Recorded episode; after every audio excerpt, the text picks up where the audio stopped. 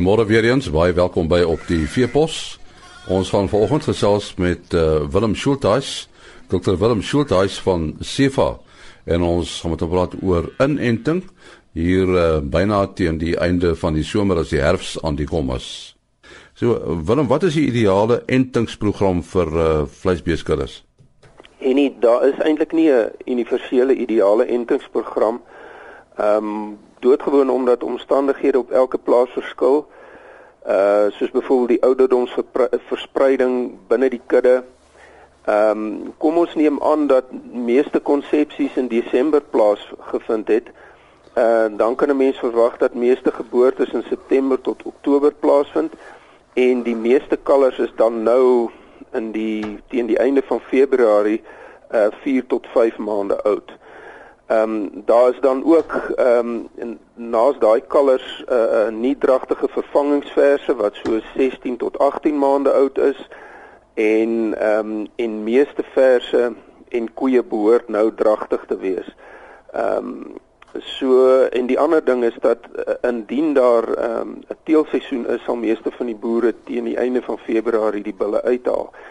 Maar ehm um, selfs in 'n kudde waar bulle dwars deur die jaar by die koeie loop Ehm um, sal is daar gewoonlik 'n patroon gedikteer deur ideale weers en voedingsbeskikbaarheid en en kry mense dat daar daar nou ehm um, die koeie en die verse dragtig sal wees. En teen hierdie agtergrond kan 'n mens dan vra is dit nou die regte tyd om te ent? Nou Willem voor voor die aangaan en voor ons praat oor watter entstowwe hierdie tyd van die jaar gegee moet word. Miskien moet net vertel presies wat is 'n entstof? Kyk, 'n enstof is maar ehm um, 'n uh, um, 'n middel wat deur mense ontwikkel is uh wat ingespuit word wat ehm um, antigene of dele het sy lewend of dood van die uh siekte uh, bevat wat verswak is en die doel is dan om 'n immuunrespons of die die dier se immuniteitstelsel wakker te maak sodat dit wanneer dit werklik blootgestel word aan daai aan die betrokke kiem of virus bakterie dat dit ehm um, die liggaam dan paraat sal wees en dit sal afweer. Maar dit ver, verg ook dat dat die dier gesond sal wees en in goeie voedingstoestand sal wees en dat daar minimum stres in daai dier sal wees want stres onderdruk die ontstaan uh van immuniteit. Al het jy die beste enstof as daai diere gestres is of in 'n swak voer of hulle bloedsuiker is is laag, ehm um, dan gaan die resultate van enting teleurstellend wees. Nou goed, nou is die vraag watter enstowwe behoort nou hierdie tyd van die jaar so aan die einde van die somer oorweeg te word? Ehm um, daar's verskeie ehm um, daar's die lugweginfeksie uh, enstowwe. Ehm um, baie beslisse bruselose enstof aan vers alleenlik uh, vanaf 4 tot 8 maande ouderdom eenmalig rooiwater en galsiekte bloed waar dit aangewese is. En dan moet 'n mens is die klostridiale uh, uh antigene wat sponsiekte of die verskillende vorms van sponsiekte veroorsaak uh moet definitief in ag geneem word. En dit is omdat beeste vanaf 5 maande oud wissel. En dit ons sien dit nie want dit is die eerste paar kiesstande wat wissel en in die bek is daar dan vanaf 5 maande tot 4 jaar oud ehm um, wanneer die bees eers volwasse is, is daar oop wonde in in in daai dier se bek. En en daardeur kan spore van bakterieë uh indring. En ons het 'n landwyse opname uh 2 jaar gelede laat doen deur 'n onafhanklike patoloog, Dr. Riek Laast, en dit het getoon dat baie van die tipiese sponsiekte vrektes eintlik die gevolg is van die alfa-toksien wat deur Clostridium perfringens tipe A uh geproduseer word en dat die enkel sponsiekte en stowwe nie noodwendig die nodige breë beskerming verleen wat 'n mens verwag nie. So wanneer 'n mens dan 'n multiclostridiale enstof oorweeg, uh doen dit uh, of oorweeg die een wat 'n Clostridium perfringens tipe A of alpha toxoid uh bevat. En hierdie enstof word dan op 5 maande ouderdom toegedien. Ehm um, dit is voorspeen ehm um, en 'n skraagdosis is nodig kort voor of met speen. En op daai stadium wanneer die skraagdosis toegedien word, kan die moeders en die bulle wat dan uit die teelseisoen kom as daar een is, ook geënt word. Dit is belangrik omdat hierdie enstowwe dit is 'n toksoïed enstof. Hulle is geïnaktiveer en daarom is die kraagdosis ehm um, so 1 tot 2 maande later absoluut essensieel.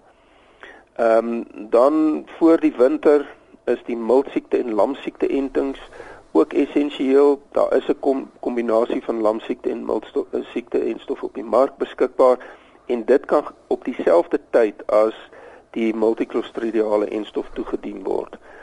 Dan ehm um, op hierdie stadium van die jaar is daar nog uh beduidende inseklas in areas waar dit goed gereën het.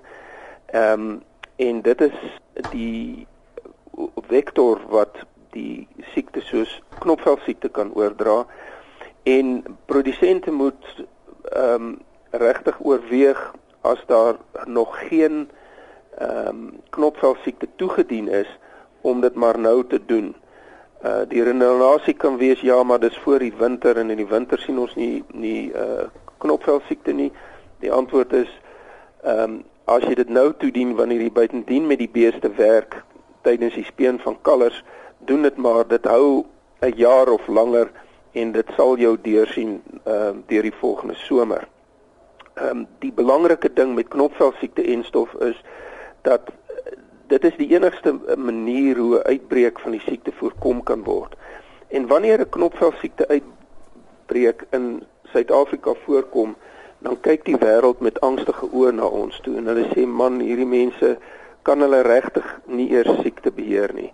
En en dit is hoekom ons daai moet aangryp om dit behoorlik te beheer want dit is 'n OIE gelyste siekte internasionaal is dit op die radarskerm en dit benadeel ons kredietwaardigheid in die internasionale arena as hierdie uitbreke kort kort voorkom en dit kom doodgewoon voor omdat produsente nie geënt het nie. Uh Willem jy noem nou die gelyktydige toediening van uh hele klompie en stowwe. Kan 'n beeste immuunstelsel, jy weet, so iets hanteer? en en hierdie uh, immuniteit wat hulle nou gekry het, kan dit nie dalk daardeur geaffekteer word nie. Ehm um, en nie daar is geen bewys dat die verworwe immuniteit teen elke siekte wat van al hierdie enstowwe wat ek genoem het swakker sal wees as 'n mens al hierdie enstowwe gelyktydig toedien. Uh, ons het oor knopvel siekte gepraat, die clostridiale toksoïde, die lamsiekte, die miltsiekte, die bruselose, die lugweginfeksie en die rooi water en dit klink na verskriklik baie. Maar as die dier gesond is en die immuunstelsel is is is werkend en in in paraat dan behoort daar geen probleem te wees. Die vereiste is net dat die personeel wat die entings toedien sal toesien dat elkeen van die entstowwe se inspuitplek nie nader as 10 cm van mekaar sal wees nie. En uh, vir daai doel kan 'n mens die beide kante van die nek of beide kante agter die skouerblad gebruik. Ek dink baie keer gebeur dit dat ehm um, die dit word baie keer aan die arbeid toegelaat en en en, en ek dink hulle ver, verlang leiding in daai verband dat ehm um, die enstowwe nie in die dier by die inspuitplek vermeng sal word nie. Ehm um, en dit is ook belangrik om nie twee verskillende enstowwe in een uh spuit te vermeng nie. Uh want dit kan uh die effektiwiteit daarvan benadeel.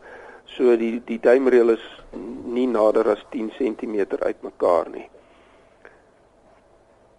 En dan dan wil ek net ten slotte sê dat uh, om om om 'n entingsplan te laat werk is dit belangrik dat 'n mens met skoon werkende spuittoerusting sal sal werk en naalde wat skerp is.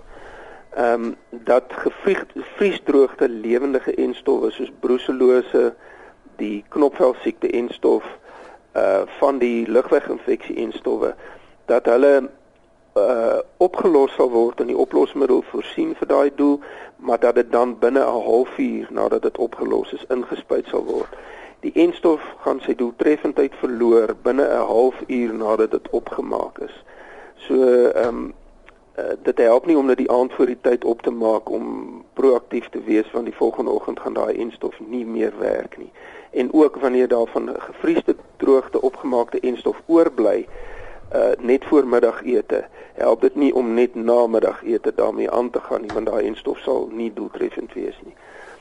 En dit is ook belangrik om vandat 'n mens 'n enstof aankoop totdat dit toegedien word, moet die koue ketting gehandhaaf word. Dit beteken dat ehm um, die enstof teen direkte sonlig beskerm sal word en dat dit geberg sal wees in 'n koelhouer met klipharde yspakke wat nog werk.